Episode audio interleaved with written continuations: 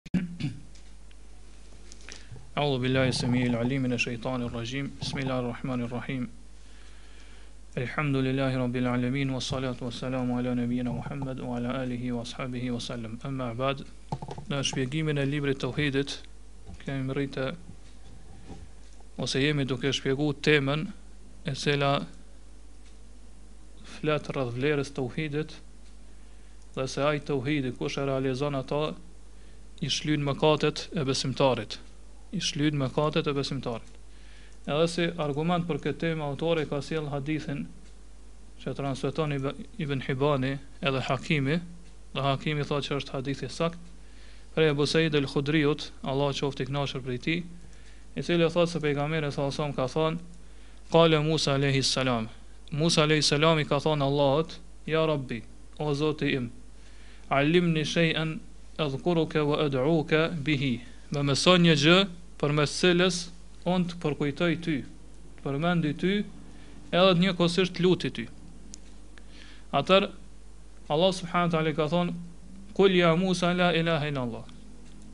Ka thënë o Musa atë gjë që po lyp, po e kërkon prej meje ajo është fjala la ilaha illa Allah.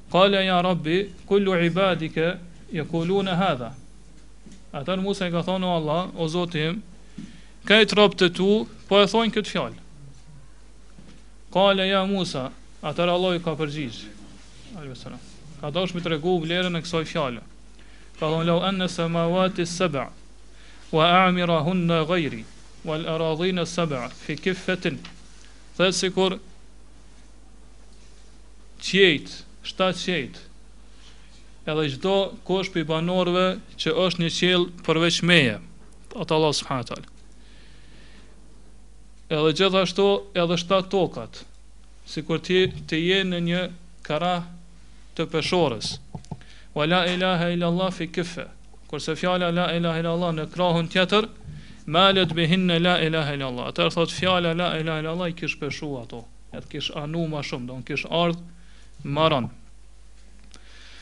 Pra, në këtë hadith, të cilin e pra po e bjen autori si argument për vlerën e fjalës la ilaha illallah, kuptojmë se Musa alayhis salam ka kërkuar prej Allah subhanahu wa taala një gjë përmes të cilës arrihen dy gjëra.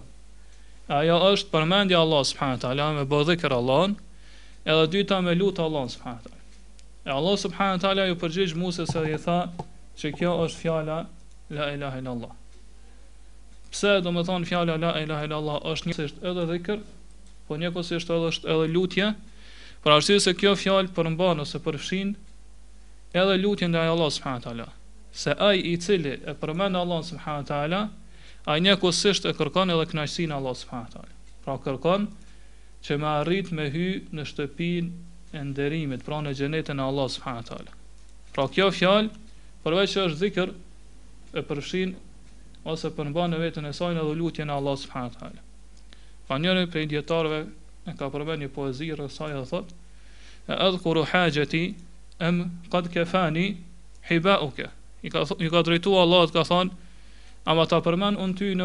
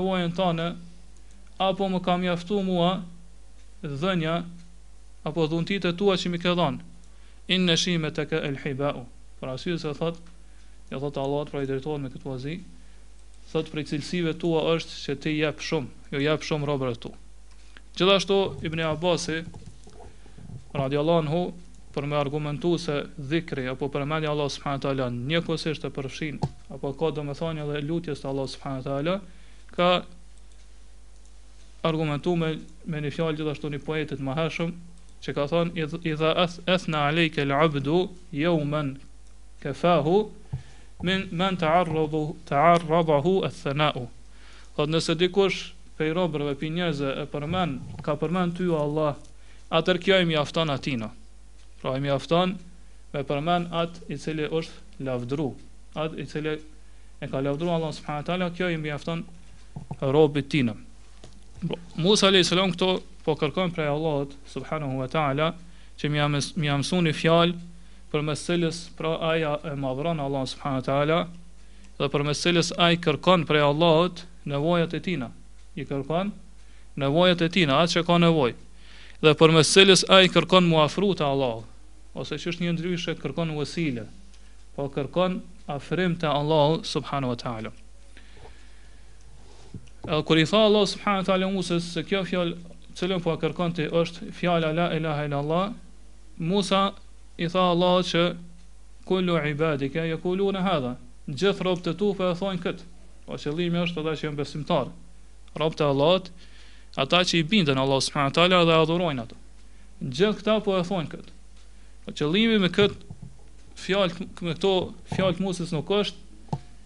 Që ai ka dashur me thonë që kjo është fjalë e lehtë, domethënë nuk ka shumë vlerë për atë që thotë. Mirëpo Musa alayhis salam, pra e ka ditë madhështinë e kësaj fjale, ka ditë rëndësinë e kësaj fjale. Mirëpo ai ka dashur që me ia mësu Allah subhanahu taala një gjë me të cilën e veçon prej këta robër të tij. Për arsye se me veçu Allah subhanahu taala dikon me një çështje apo me një gjë, atëherë kjo tregon për pozitën edhe vlerën e lartë të atij njeriu. E Allahu subhanahu wa taala këtu po i tregon Musës dhe po ia sqaron se çfarë do që i jepet njeriut nuk është më me vlerë edhe më e mirë se sa se sa kjo fjali.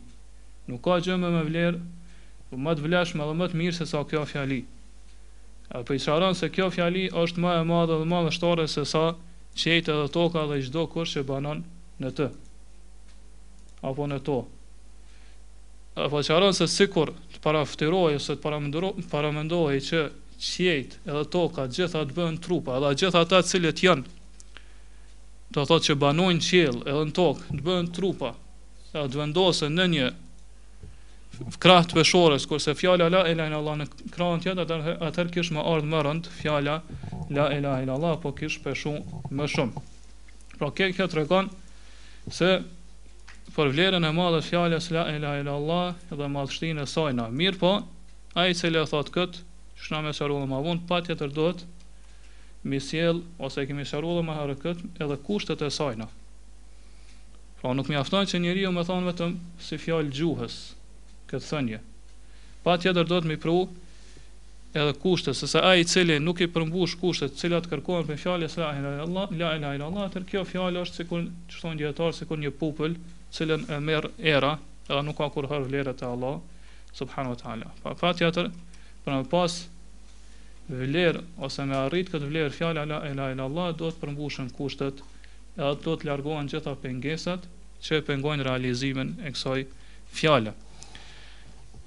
Gjithashtu në këtë hadith ne kuptojmë se njeriu sado që të ketë vlerë, sado që të jetë në pozitë të lartë në fe, sado që të jetë i sinqertë dhe ta realizojë tauhidin e Allahut subhanahu wa taala, prapëseprapë ka mundësi që t'i tërhiqet vërejtja për ndonjë prej çështjeve të tauhidit.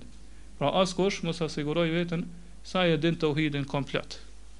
Ky është Musa alejhi selam, atij i cilit i ka folë Allahu subhanahu wa taala direkt, pra që quhet Kelimullah,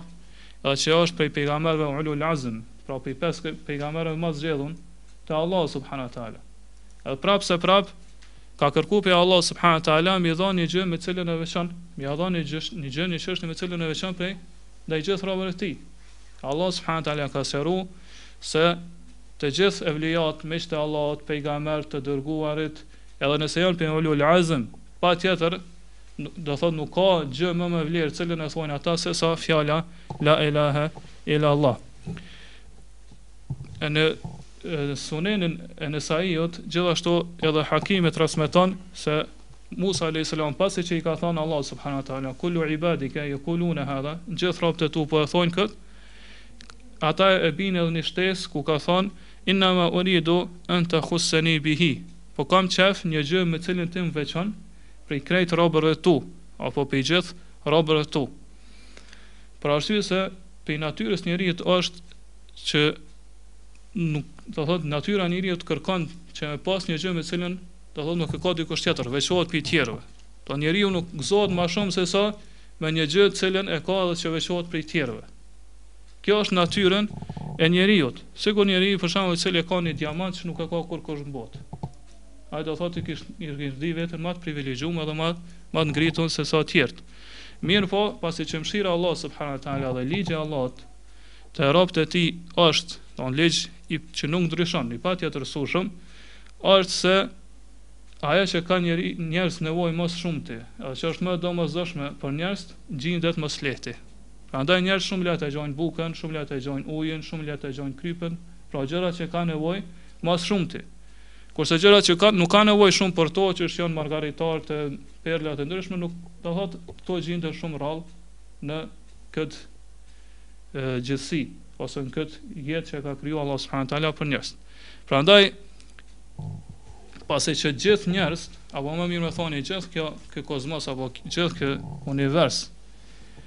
Ka nevojë, nevojë të domosdoshme për fjalën la ilaha illa Allah, pra nevojë ose domosdoshmëri e cila nuk ka kufi. Nuk mundesh me thonë që me ia qit kufin me thonë deri këtu patëm nevojë për këtë fjalë, më shumë nuk kem nevojë. Pra nevoja ose domosdoshmëria për fjalën la ilaha illallah nuk përfundon kurrë. Si për njeriun mirëpo çfarë edhe për këtë krejt këtë gjithë këtë universin apo këtë gjithësinë që e ka kriju Allah subhanahu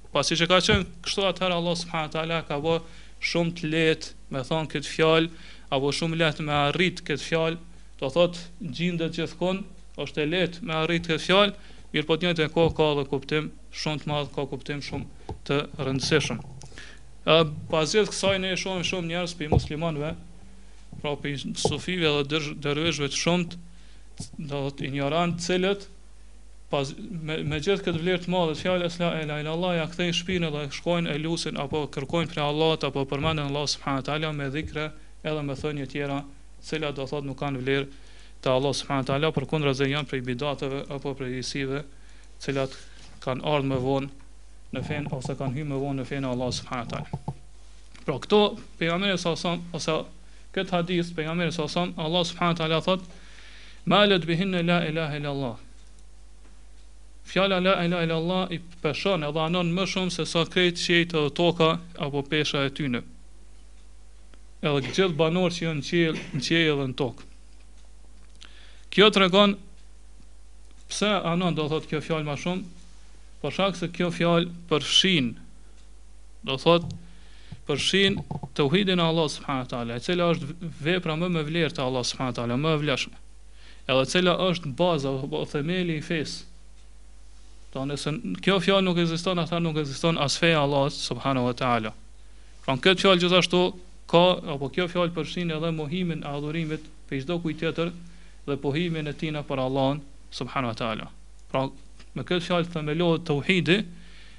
Edhe asgjësohet apo shkatërrohet shirku ndaj Allahut subhanahu wa taala.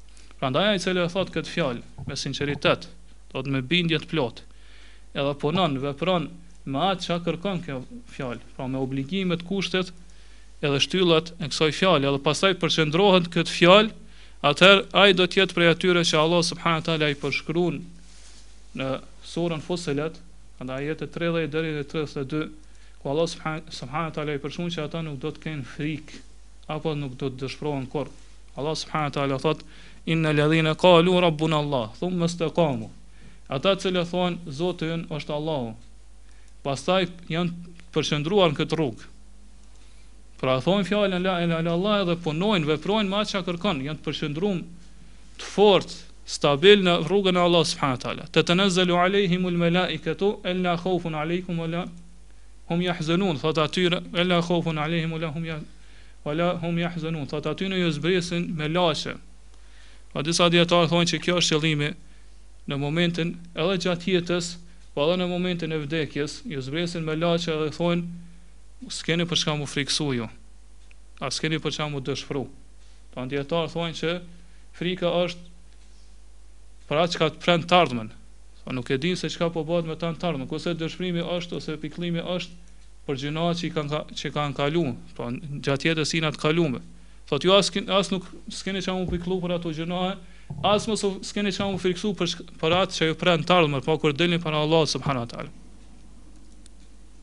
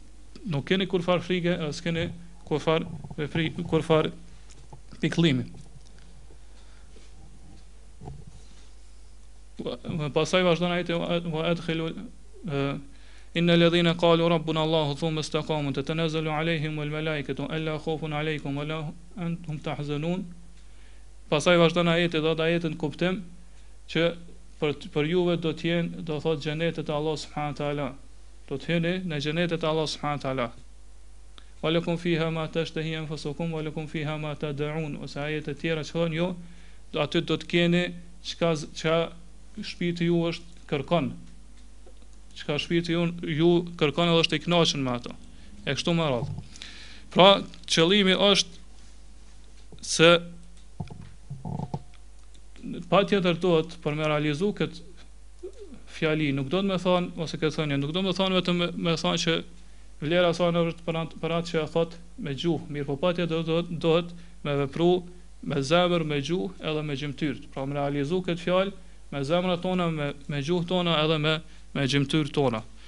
Disa dijetarë thonë që kuptimi i këtij hadithi është, pra shpjegimi i këtij hadithi është që sikur gjynahet e robit të paramendohen që e arrin rëndësinë edhe peshën e qiejve, edhe tokës edhe banorëve të qiellit, pra përveç Allahut siç ka ardhur në hadith, edhe të vendoseshin në një anë të peshores, pra në ditën e gjykimit, kurse në anën tjetër të vendoset fjala la ilaha illallah, atëherë kish peshu më shumë fjala la ilaha illallah. Edhe këtë tregon edhe më shumë edhe hadith që quhet hadithi që quhet hadithul bitaka. Hadithi i asaj fletës të vogël, pra në cilën është shkrume fjala la ilaha illallah. E këtë hadith e transmeton Tirmidhiu, Nesaiu dhe Ibn Hibani, gjithashtu edhe Hakimi prej Ibn Umerit, radijallahu anhu, i cili tregon se Pejgamberi alejhi selam ka thënë, Yusahu bi rajulin min ummeti ala ru'usil khalaiki yawmil qiyame, Në ditën e gjykimit, thotë, do të thirret një prej një burrë ose një njeri prej ummetit tim, do të thirret në prezencën e krejt njerëzve, do të thirret në prezencën e krejt njerëzve. Fe yunshëru lehu tis'atun wa tis'une sijillen. Thotë edhe atij i paraqiten përpara, ja paraqet Allahu subhanahu wa taala 99 regjistra të gjitha me gjynahe, gjitha të cilat i ka mbush gjithat me gjynahe. Kullu sijilin minha meddul basar. Thotë secili prej tyre është aq i madh, pra secili regjistër është aq i madh, sa që sa sheh syri, aq thotë është edhe i gjerë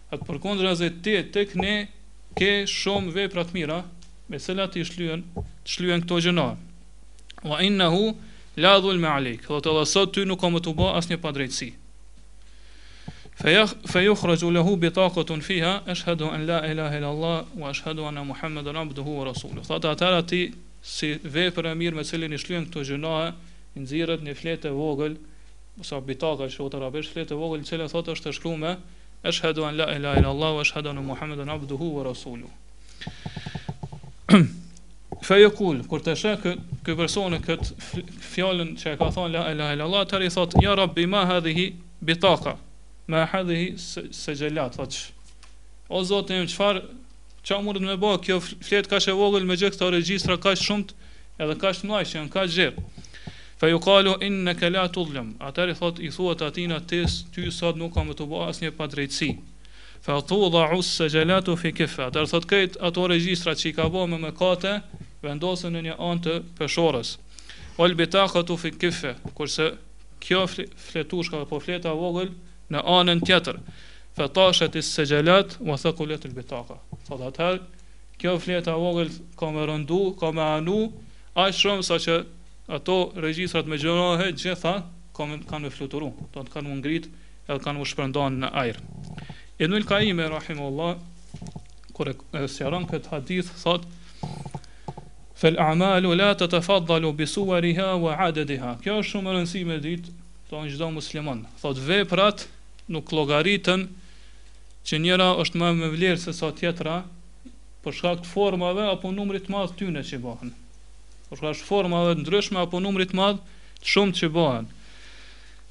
Mirëpo thot Wa innama tetefadalu ma fil kulub Ajo që tregon se një vepër është më vlerë sesa vepra tjetër thot Ajo që është në zemër Ajo që e vlerëson ose e tregon që një vepër është më më pesh më më vlerë te Allah te Allah sesa tjetra thot Kjo krejt është në bazë asaj që gjindet që gjendet në, në zemër Fetokunu suretul amel Wahidetun Wa bejnehuma min et-tafadhuli kema bejne es-semai wal-ard. Prandaj ka mundësi thotë që një vepër me bo dy persona, me kon vepra e njëjtë. Do të thotë me kon në formë të njëjtë, mirëpo me, edhe me kon do të thotë në në numër të madh, në numër të shumtë, mirëpo thotë dallimi mes tyre është si dallimi mes qiellit edhe tokës. Apo vlera mes tyre është sikur dallimi mes qiellit edhe tokës.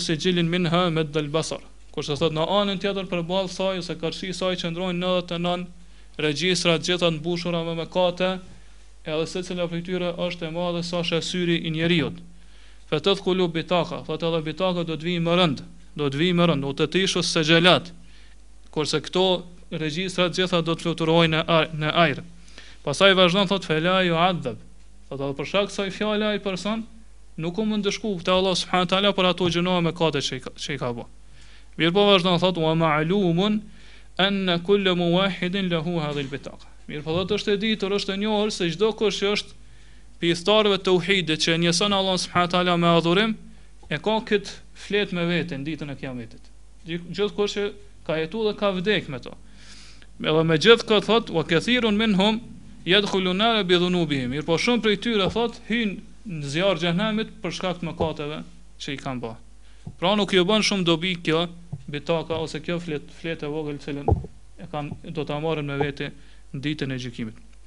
Pra kjo vlerë kaq e madhe e fjalës teuhidit, pra fjalës la ilaha illa Allah, është për atë i cili për cilin kjo ose tek i cili ose në zemrën e cilit është forcu shumë kjo fjalë, është fuqizu shumë.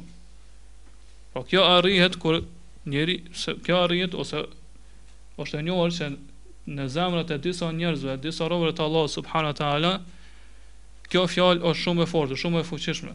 Për arsye se ai është i sinqertë dhe i drejtë në atë çka aludon kjo fjalë, në atë çka kërkon kjo fjalë. Po nuk ka kurfar dyshimi. Njëjtën kohë e don e don atë në çka aludon apo kuptimin domethënien e kësaj fjale. Prandaj për shkak dashurisë së tij apo për shkak të forcës ose të fuqizimit të madh kësaj fjale në zemrën e tina, ajo pastaj e ka edhe rezultatin, efektin, apo edhe dritën e sajna në zemër e cila pastaj reflektohet edhe në gjymtyrët edhe në veprat e njeriut.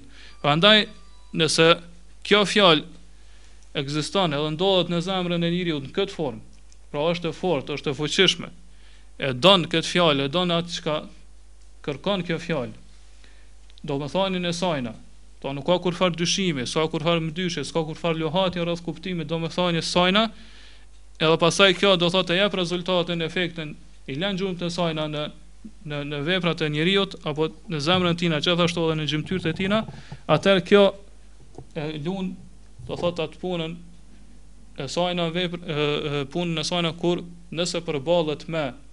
gjynahe të shumta, edhe nëse janë nëntëdhjetë e nëntë regjistra të gjitha të mbushura me mëkate, edhe sa sheh syri i njeriut, atëherë ajo i djeg ato edhe i shkatërron ato dhe nuk, njeriu nuk do të dënohet te Allahu subhanahu wa taala për këto gjy, për këto gjynahe.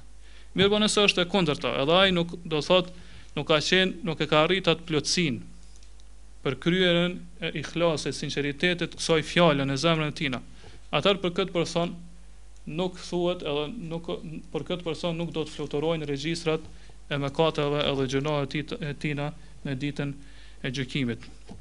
Pra ky hadith të cilin e ka pru autori në temë si argument për vlerën e teuhidit, gjithashtu edhe hadithi i kësaj fletushës apo kësaj kësaj fletës vogël tregojnë se fjala la ilaha illa allah nuk ka mundësi që ndonjë mëkat apo gjynah t'i dalë përballë asajna, veçse ajo do ta shkatërrojë ato, do ta djegë ato. Mirëpo kjo është për atë i cili e ka përsos, do thotë e ka plotësuar atë fjalë, e ka realizu. E kjo arrihet, do thotë, kur zemra në zemrën e tina nuk zemra e tina nuk përzihet ose nuk vendoset ndonjë dyshim, ndonjë luhatje rreth kuptimit edhe domethënies së kësaj fjale. E cila është kuptimi apo domethënia e kësaj fjale? Thotë kjo fjalë për në veten e sajna përmban ose arabisht quhet bit-tedamun me përfshirje ose përmbajtje, do thotë e përfshin edhe teuhidun rububije. Çka është teuhidu rububije? Me njësu Allahun subhanahu wa taala si krijuesin edhe si furnizuesin tonë. Do thotë ai i cili na ka kriju, na furnizon, ai i cili na mban, edhe ai i cili e rregullon apo e, e drejton këtë kozmos edhe jetën tonë. Pra kjo fjalë me tedamun me përfshirje e përfshin edhe me përfshirje ose përmbajtje e përfshin edhe teuhidun rububije. Mirëpo gjithashtu e përfshin apo e përmban me, me luzum, do thot e kërkon gjithqysh, domosdoshmërisht e kërkon edhe teuhidin esma ue sifat. Pra kërkon që pasi që Allah subhanahu wa taala është ai i cili do thot na ka kriju neve, është ai i cili na furnizon neve, është ai i cili na mban neve, është ai i cili kujdeset për neve, atëher ky Allah ose ky Zot me meriton që me i pas cilësitë, emrat edhe cilësitë më të përsosura. Po me i pas emrat më të bukur edhe cilësitë më të përsosura. Po gjithsesi, domosdoshmërisht e kërkon këtë. Pastaj gjithashtu, kjo fjalë me mutabeka, pra me përputhje në mes, thënies sajna, ose, ose shkronjave sajna dhe kuptimit sajna,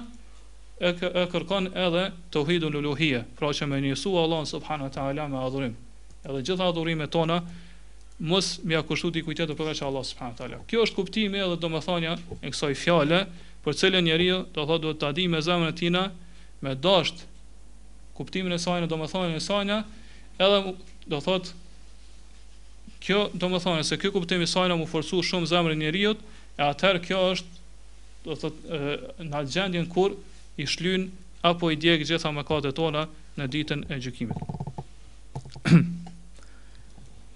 pra ai i cili ai ai i cili i bën dobi kjo fjali ose kjo thënie në mënyrën më të përsosur.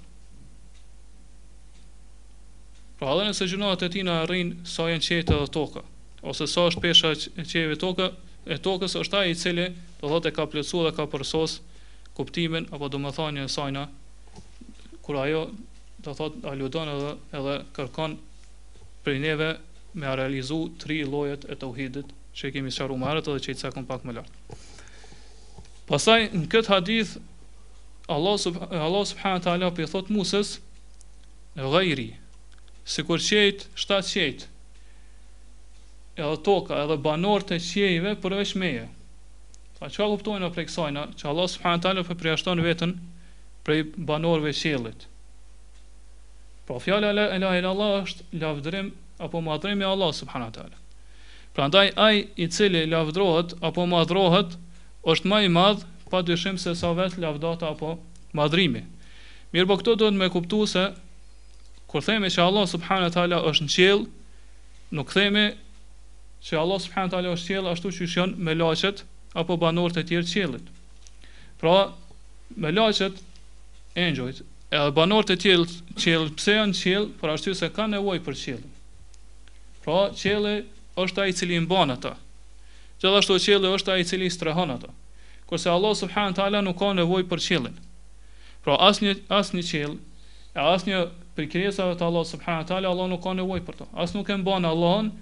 E as, do thotë, nuk e strehon Allahun subhanahu wa taala. Mirëpo melaqet apo banorët e qiellit kanë nevojë për qiellin e Allahun. Kurse për Allahun subhanahu wa taala kur themi që Allahu është qiell, atëherë këtë e themi vetëm me qëllimin që Allahu subhanahu wa taala është në drejtim qiellit. Pra Allahu subhanahu wa taala është lart. Allahu subhanahu wa taala është lart, Allahu është mbi arshin i vendosur, mbi arshin, mbi fronin e tina. Pra nuk ka mundësi që Allahu subhanahu wa taala të pas nevojë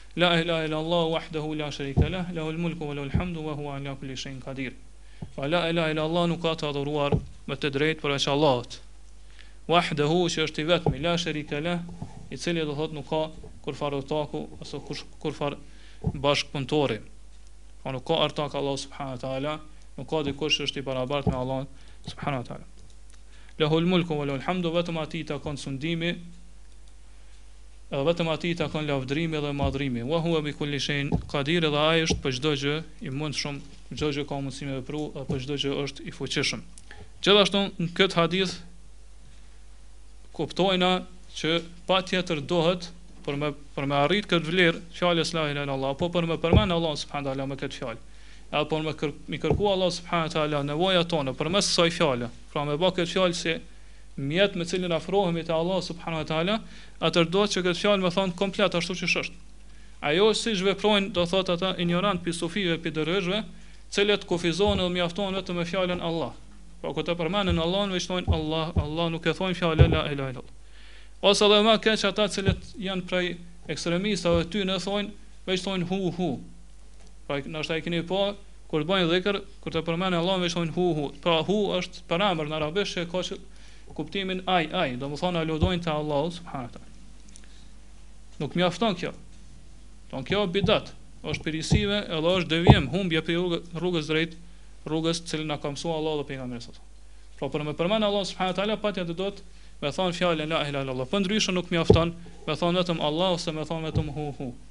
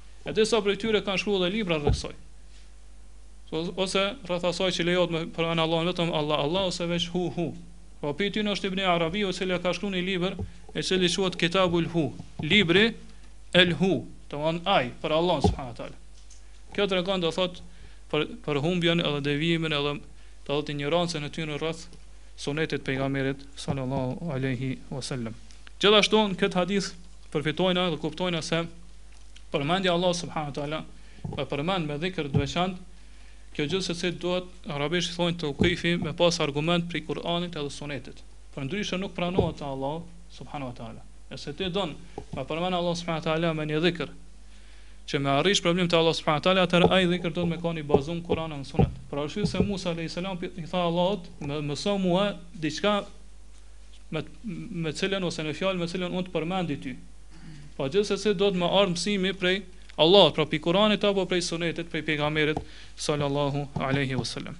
Edhe ajo që tha më herët, që kuptojmë prej kësaj fjale është se kjo fjalë përveç që është zikr, njëkohësisht është edhe dua, lutje ndaj Allahut subhanahu wa taala.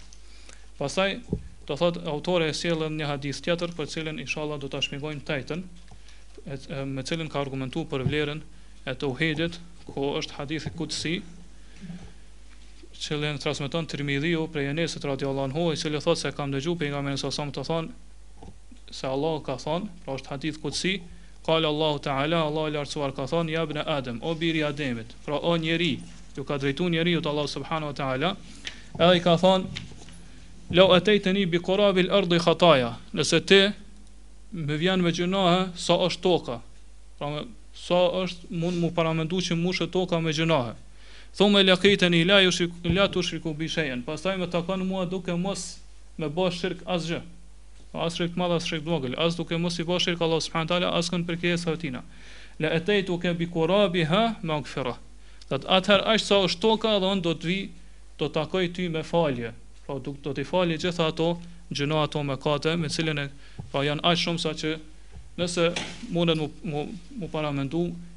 Kish mujt mu mush toka me ato gjunahe apo përafërsisht sa është toka.